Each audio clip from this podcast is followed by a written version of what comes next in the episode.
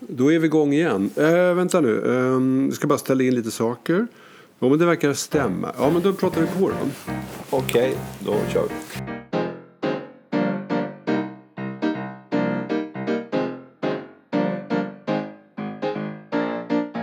EU alltså. Jag måste säga att jag sitter och är irriterad. Jag läser tidningen eh, och så hör jag om Polen som sitter och gnäller på EU och är nationalistiska och vill hålla på och krångla med abortregler och rättssystemet.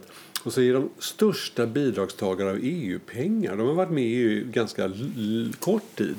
Men har redan skaffat sig, nej inte de, men alltså regeringen har skaffat sig en sorts aversion mot EU. Och då tänker jag så här, vad sjutton är de med för? Varför ska de sitta där och ta emot våra pengar? Eh, och samtidigt gnälla över alltihopa. Kasta ut dem, kan jag tycka då. Fast jag vill inte säga riktigt högt, för jag tror ju faktiskt på EU. Och jag vill ju att EU ska fortsätta vara en samling för de europeiska länderna. Så att vi eh, är en enhet på något sätt. Ja, eh, och sen så, så, så, så är Ungern håller på på samma sätt. Tjeckien vet man inte riktigt vart de ska någonstans. Uh, varför, ska de, varför, ska de, varför ska de vara med för och varför ska vi sitta? För det är nog så att allihopa är biståndstagare. De, de får mer än de ger när det gäller pengar. Uh, jag blir sur på det där. Samtidigt så jag, blir jag sur i försiktighet för att jag vill inte att EU ska spricka. Ja, för mig blir det liksom ett dilemma verkligen. Hur ska vi göra med dem?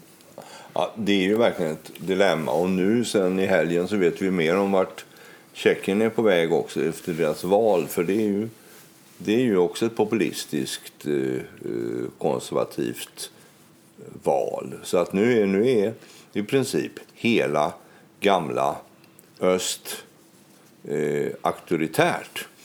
Och det är klart det är ett jättebekymmer med länder som är intresserade av EU av två skäl. Dels för att man kan få pengar och dels för att den fria rörligheten är att en stor del av befolkningen kan få sysselsättning i eh, Frankrike, England och Sverige så att säga. Och det här är ju då också en bidragande orsak till Brexit. Ja, de gillar inte polacker av någon anledning. Och, och, mot det här står ju det här, precis som du säger, man vill ju gärna EU väl så att säga. Och helst borde engelsmännen ha ett nytt val som det nu börjar luta åt och kanske stanna i alla fall eftersom det är så jäkla dyrt att lämna. Tror du att de kommer att liksom ångra sig? Alltså, det lustiga är det att nu på morgonen så tittade jag som vanligt igenom eh, Times, eh, Telegraph och Mail eh, på, på eh, webben. Och då står det i Telegraph att det finns nu en rörelse mot att man kanske borde ta en folkomröstning till för säkerhets skull. Så att säga. Och det är väl efter den här kommissionen som har visat att oavsett hur man vrider och vänder på sig så kommer det här bli jättedyrt för England att gå ur. Och, och, och ja, vi får se vart det leder, men, men en, en som bi, bipass så att säga. Men, men det som jag... Den stora anledningen till att vara ska vi säga, eftertänksam när det gäller östländerna i EU det är ju det här geopolitiska spelet som pågår. Om vi skulle kasta ut dem så skulle ryssarna ta hand om dem omedelbart och älska ihop en ny öst-U, så att säga. Alltså det, det gamla Sovjetimperiet återuppstår i någon sorts ny modern form. Liksom. Järnridån finns inte men den kommer, den kommer ligga ringlande liksom, som en tänkt ridå genom Europa i alla fall.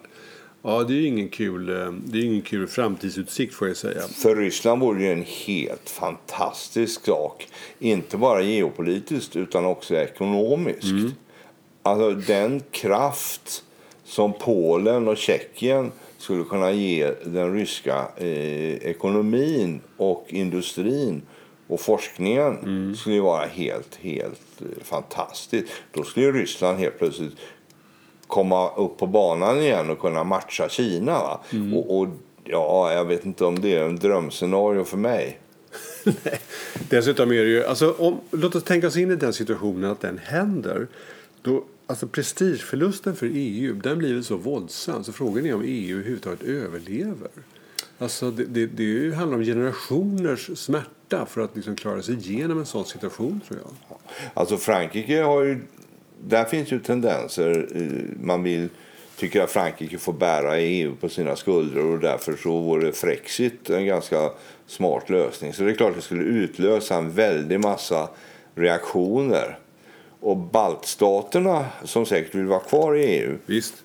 deras position skulle bli ännu mer utsatt och därmed skulle vår och Finlands situation också bli mer utsatt. Så jag tror nog att vi ska hellre använda lämpor för att successivt få eh, polacker och tjecker att älska EU snarare än att knuffa ut dem av moraliska skäl. Jag kan inte låta bli att göra en betraktelse då. Någon skrev i Svenska Dagbladet att egentligen har de här länderna som ivrigt ville vara med i EU och sökte gärna och vi hejade på dem.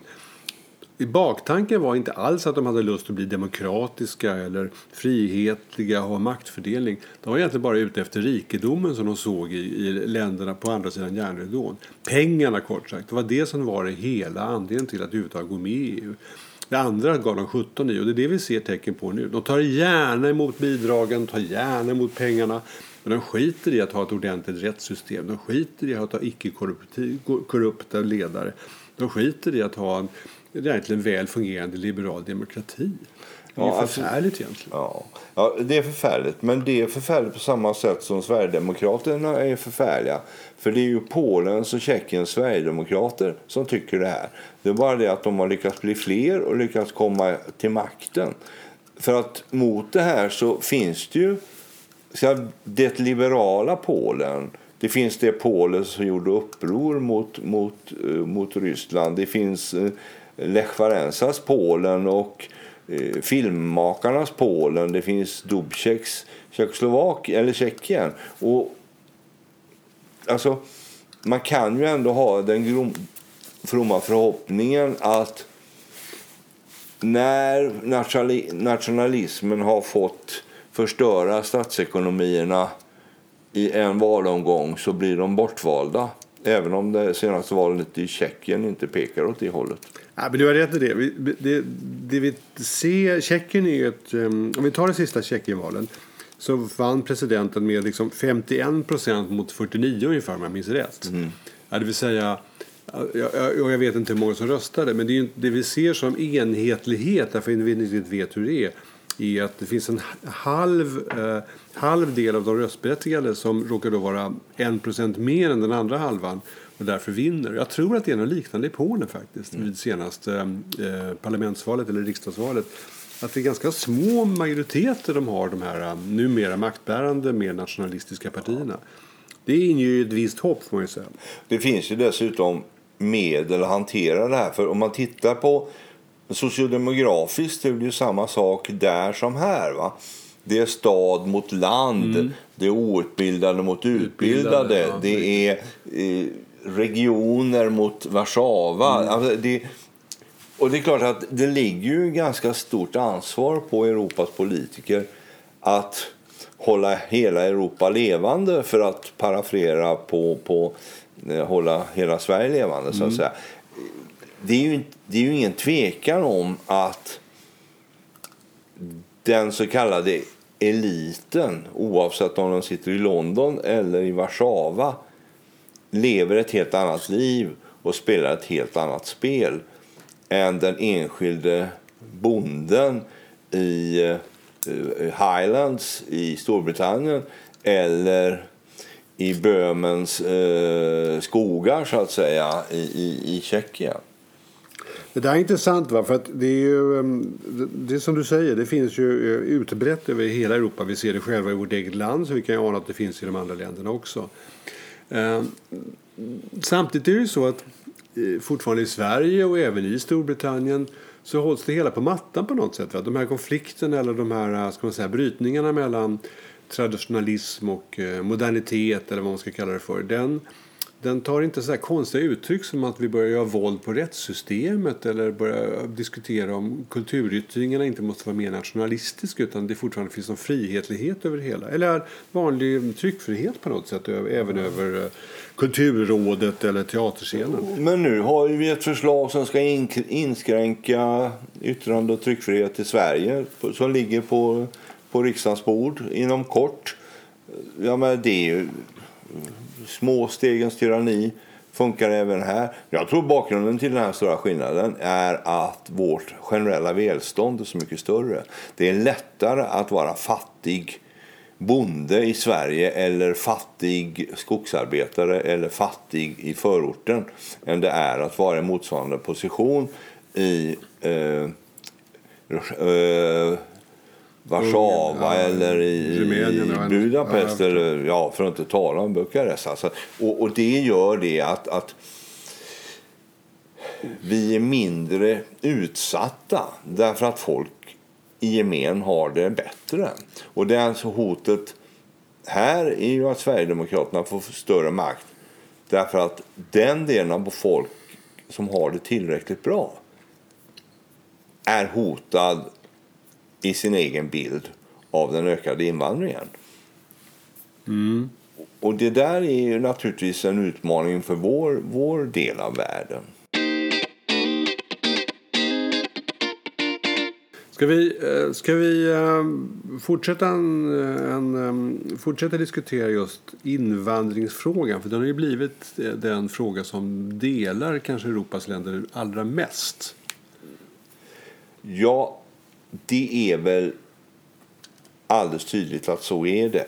Att vi som har det så förhållandevis bra i en av världens tio rikaste länder vi har tillåtit oss att kosta på oss att vara generösa helt enkelt. Eh, och nu mot eh, det senaste året så har vi väl börjat inse att även våra eh, ymnighetshorn har begränsningar och därför så börjar Socialdemokraterna gå tillbaka till sin gamla restriktiva invandringspolitik. Eh, det är en helt annan situation i de länder som nyligen har blivit fria som har en stor agrar befolkning som inte har ska vi säga, kommit in i industrisamhället eh, och ännu mindre i informationssamhället. Det är klart att det är mer utmanande att få in 300 000 människor i Rumänien än att få in 300 000 människor i Sverige. I Sverige har vi nästan full sysselsättning just nu i högkonjunkturen. I Rumänien så har de ju fortfarande ska jag säga, ett elände i delar av landet. Och då är det väl inte så konstigt att Rumänien först uh, står på agendan så att säga. Men det är ändå så att det, jag blir inte klok på det här därför att det låter som att det finns ett, ett, ett rasistiskt tonfall. Nu måste jag säga att nu silas jag alltså genom västerländsk media och det, det, det, är så jag tar del av det hela. Men det låter som det finns eh, rasistiska utspel från de östeuropeiska länderna. De tycker extremt illa om muslimer, eh, tycker jag mig höra. Och de talar om befolkningsgrupper som absolut inte ska in i just deras länder. Jag kan förstå det ekonomiska det ekonomiska avstånds, säga, det ekonomiska dilemmat som gör som säger att man vi kan inte ta lika många som ens proportionellt som Ryssland eller förlåt som Tyskland eller som Sverige. Men eh, utan vi får väl vi kan ta färre. Eller någonting sånt. Men det är inte riktigt så det sägs. Utan det sägs snarare att vi, vi måste stänga våra gränser helt och hållet. Eller vi kan, ta, vi kan tänka oss en eller två. Eller vi vill inte ha någon alls som är annorlunda än vad vi är. Och det är så, sådana där tjänster finns mm. det. Och det är inte jag säker på. Är det därför att är det därför att EU-påtryckningarna är så starka som de känner att de måste försvara sina bräckliga ekonomier? Eller är det faktiskt så att det finns eh, nationalism, rasism i det hela som jag tycker mig höra och som jag, tycker då, som jag blir förfärad av? Jag tror att det, är, det finns förklarliga historiska skäl till det där. Jag menar, delar av Östeuropa var faktiskt en del av det ottomanska imperiet. De har varit under turkarna i hundratals år. Eh, delar av Östeuropa är djupt religiöst. En del är ortodoxa, en del är katoliker. Eh, menar, den generella religiositeten i Polen är ju enorm i förhållande till Sverige. Visst. De ligger ju närmare ja, Irland ja, ja. Än, än, oss. Och det är mm. klart att för någon som är troende kristen så blir ju det islamska hotet inom citationstecken större än för oss som är agnostiker eller, eller eh, ointresserade. så att säga.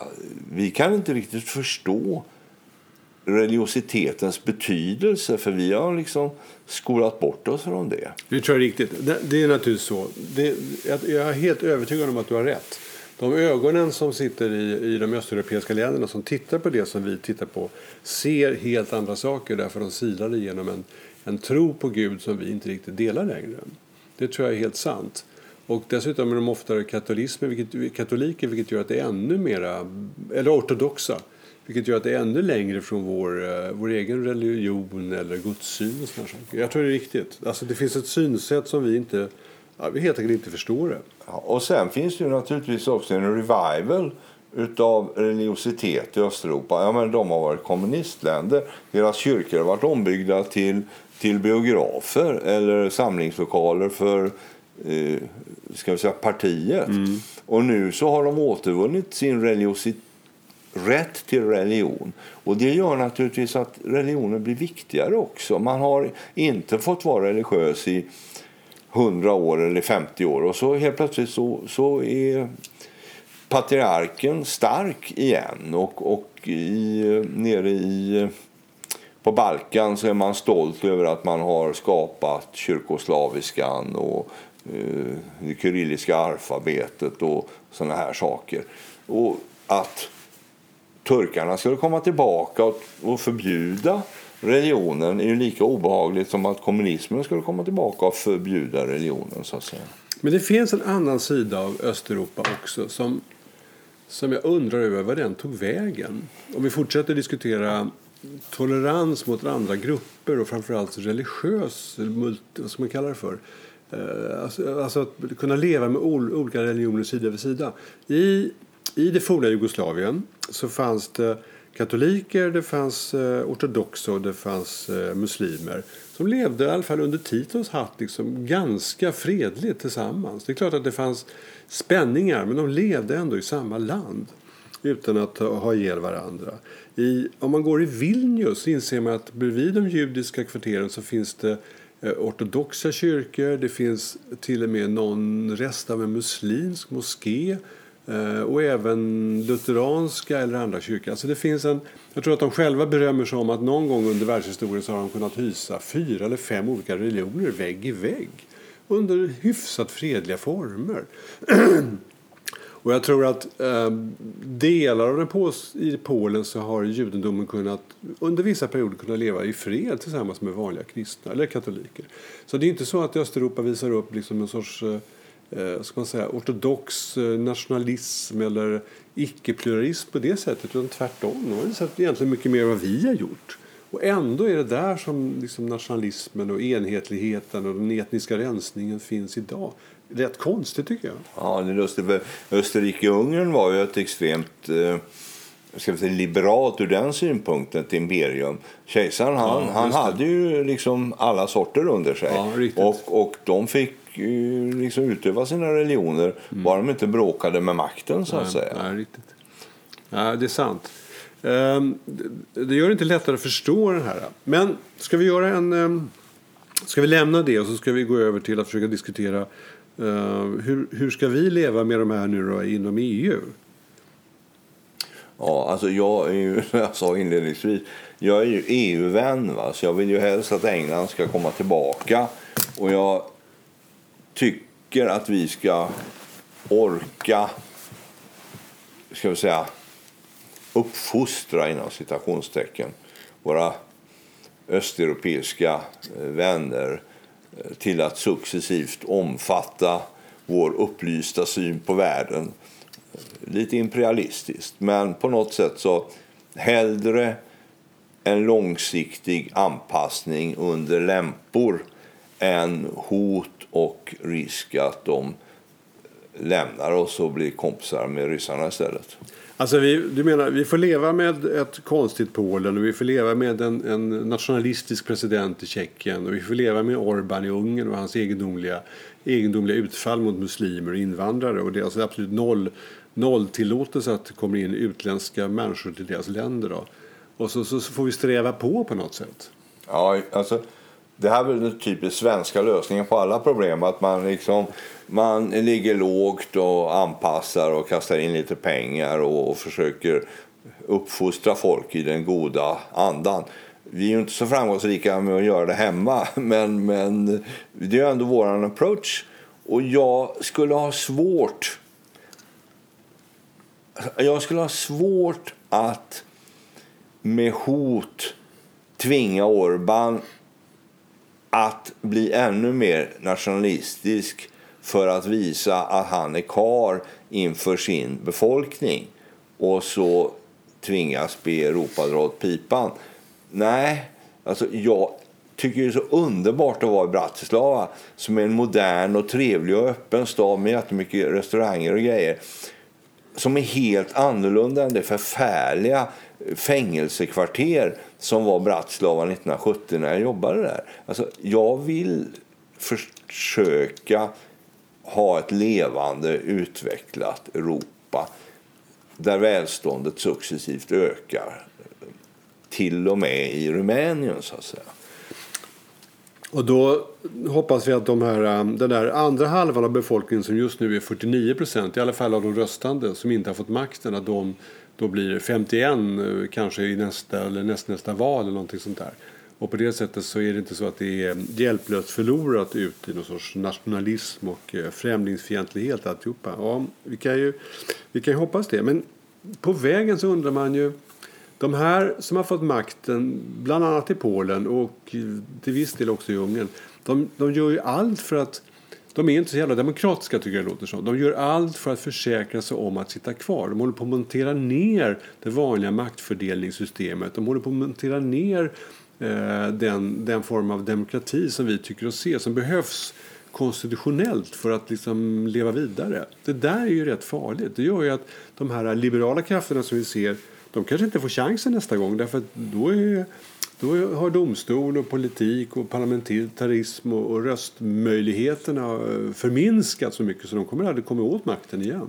Där tror jag det är väldigt viktigt att, att EU rider spärr. Va? Alltså det finns ju konventioner som man har skrivit på som gäller ska jag säga, frihetsfrågor som ska gälla inom EU. Och det får faktiskt eh, Polen och Ungern också inrätta sig efter. Alltså att blanda ihop domstolar med, med, med eh, eh politiken på det sättet som det finns eh, tendenser till. Där måste man faktiskt ha en ganska hårdhänt upplysningsverksamhet. Och det, det som är hopp i det hela är ju att det finns ju en juristkår både i Tjeckien Tjeckien och i Polen mm, som, som också arbetar mot det här. Ja. Och, och det är väl bara att man helt enkelt får se till att ge dem allt stöd och sen så säga det att det finns vissa förändringar av grundlagarna som EU faktiskt inte kan tillåta. Men om vi, om vi, om vi tänker oss att det blir hårt mot hårt, för det är ju, man kan ju tänka sig att det är på väg i viss, i alla fall i Ungern och Polen, att det är på det sättet sättet, vad skulle EU kunna sätta emot? Ja, det hårdaste straffet det vore ju att inskränka den fria rörligheten. För det skulle innebära det att eh, tiotusentals människor förlorar jobbet och äh. skickades hem så att säga. Mm. Men då, det skulle ju vara en krigsförklaring ja, mer eller mindre. Då, ja. då, då, då, då spricker nog EU. Ja, sen är det också så att de individerna som då har lämnat sina länder för att uh, jobba så här, det är inte riktigt de, det är inte riktigt de som är de ansvariga. Som, och som, för det, det är på dem som belastningen blir störst. Det är ja. de som får störst straff också. Ja. och, och dessutom är det ju så att de behövs i de här länderna där ja. de är. Alltså, frågan är om man inte skulle kunna ha en Marshallplan. Alltså man helt enkelt öser ännu mer stålar över de här länderna så att de ser att, att det lönar sig att vara med. Va? Mm. Jag menar, vår kustbevakning, stora kustbevakningskryssare, de är byggda i Rumänien. Mm. Ja, varför ska engelsmännen och fransmännen som är värdelösa på att bygga eh, Ja, engelsmännen kanske inte är helt värdelösa, men, och inte fransmännen heller. Men sen, tyskarna, deras nya fregatter, de flyter ju knappt. De får mm. inte åka. Jag menar, varför kan inte tyskarna lägga eh, skrovtillverkningen i Rumänien och, och Bulgarien istället då? Som ju bevisligen kan bygga båtar. Och så ösa på. För att eh, Tyskland är ju bättre på att bygga bilar än på att mm. bygga båtar. Det är helt uppenbart. Och, eh, Alltså vi helt enkelt gör så vi bestämmer oss för att nej, nu ska vi ha en ekonomisk utvecklingsplan i Östeuropa och det innebär det att det ska göras en massa initiativ för att förstärka deras industri och de komparativa fördelarna i Europa ska tas fram. Det vill säga det att när det gäller enklare arbeten eh, av eh, typ eh, svetsa ihop fartygsskrov så ska vi lägga det i, i Rumänien och Bulgarien och inte i Sydkorea och Kina. Därför att eh, vi behöver helt enkelt eh, få igång jobb där. Alltså när, det där låter ju sig klokt, men då tänker jag så här, då bör man rimligen hitta eh, bundsförvanter bland industrialister och företagare. För att gissningsvis är det så att om man, om man börjar prata ihop sig med de här länderna så ser de bara om igen massa dollartecken, eller pengar kort sagt. Och då ja. händer kanske inte så mycket. Ja, och, där har vi och det är ju inget fel på det, det är väl jättebra. Ja, men där har vi ett jätteproblem. Och det är ju det här med, med juridiken. Va? Alltså jag har ju en ytterst begränsad erfarenhet, men ändå en viss sekundär erfarenhet av aktiviteter i Polen och Bulgarien. Jag kan ju säga det att det som gör att folk stänger igen och säljer sina verksamheter det är ju det att det finns lagstiftningen är för svag. Domstolarna är för svaga och du vet inte om du äger det du äger. Och de lokala maffiorna har en alldeles för stor möjlighet att eh, mjölka ur verksamheterna så att de egentligen inte blir lönsamma. Va? Och det där är naturligtvis ett, det är ett jättebekymmer. Alltså lagstiftningen i Östeuropa är fortfarande belastad av att ha varit en socialistisk lagstiftning. Man har inte riktigt kommit bort ifrån ska vi säga, det här osäkerheten kring vad som gäller. Och det beror på mutor och det beror på en massa saker. Men, men, men där behövs det ett ordentligt reformarbete i hela Östeuropa. Ja, du menar de här, de här självklarheterna? Man, man är, äganderätten i form av att man äger ett företag, vad det innebär och hur den juridiska personen ser ja, ut? Ja, man har en lagfart och, och det innebär att man äger mm. Alltså, och hur svårt det här det ser vi ju i Sverige. Va? Alltså, vi har ju äganderätten inskriven i grundlagen. Mm. Men ändå så är det ju så att när det gäller ägande av skog och mark visst. så börjar det mer och mer bli en förfoganderätt mm. än en äganderätt ja, eftersom miljöbalken mm. och EU-regleringen mm. ja, ofta övertrumfar grundlagen. Va? Mm. Visst. Nej, det är, inte, det är inte helt rätt. Men, men om man fortsätter med ditt förslag man låter fartygsbeställningarna gå till östeuropeiska länder. Hur skulle man göra dem då? Om, om inte vi kan använda privata industriidkare som partners i de här länderna då, blir det ju, då låter det hela rätt krångligt. För man vill ju egentligen inte sätta pengar i händerna på eh, lätt korrupta makthavare som sitter och pratar om den muslimska faran. Det är inte riktigt de som ska få industripengar tycker man. Nej, det där är ju jättebekymmer. För att jag såg någon uppgift någonstans över hur stor del av det internationella biståndet till Afrika som var i schweiziska banker. Mm. Och det var en siffra som var, man kan ju inte återge den här för den är ju säkert osann och politiskt, eh, ja det är typ den här fake news information så att säga. Men, men det var en förfärande siffra. Och det vore intressant att se någon göra en seriös uh, avhandling på det. Men, men det, det, det är ju klart att det måste finnas vägar som är överblickbara, kontrollerbara eh, för att man ska kunna göra den här typen av utav Marshallplan. För antingen måste man ju vara helt byråkratisk som amerikanerna var på 50-talet. Man släpper inte till pengarna utan man portionerar ut dem så att säga. Eller så måste man hitta vägar som gör att, att lag vägar fungerar. Och jag är ju optimistisk nog att tro att successivt kommer det att bli så att det funkar. Ja, vi är eniga om att EU måste i alla fall bestå. Det finns ett enormt stort värde av att låta EU leva vidare. Och det innebär också att de här krångliga länderna som tidigare tillhörde som var på andra sidan järnridån, att de då, vi får, vi får finna oss i att, vi, man får finna sig att de lever vidare och hoppas att de goda krafterna i de länderna, med lite hjälp från vår sida, liksom får, um, får makten då och då i alla fall. Ja. Alltså ska vi ha en bipolär värld nu, där Europa ska vara en av polerna, en av maktpolerna, Ja, så måste EU hålla ihop. absolut. För, absolut. för, för utan EU så är vi några spridda förorter Ja, ja. till Shanghai hela gänget. Ja. Och då bestämmer Washington, Moskva, Peking och möjligen Delhi. Mm. Men vi har ingen säg så. Nej, men det är verkligen sant. Det, det är, det är ett, ett viktigt skäl för Europa att um, hålla samman. Mm, väldigt, väldigt viktigt. För de här gamla stormakterna, Tyskland, eh, eh, förlåt, Tyskland Frankrike, Storbritannien, de är inte så stora längre.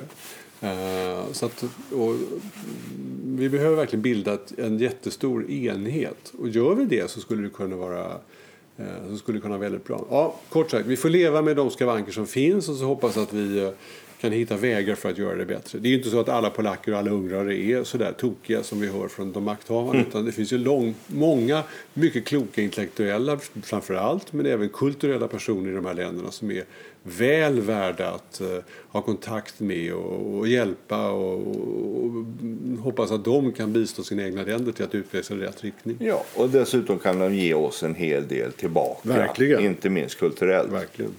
Ja,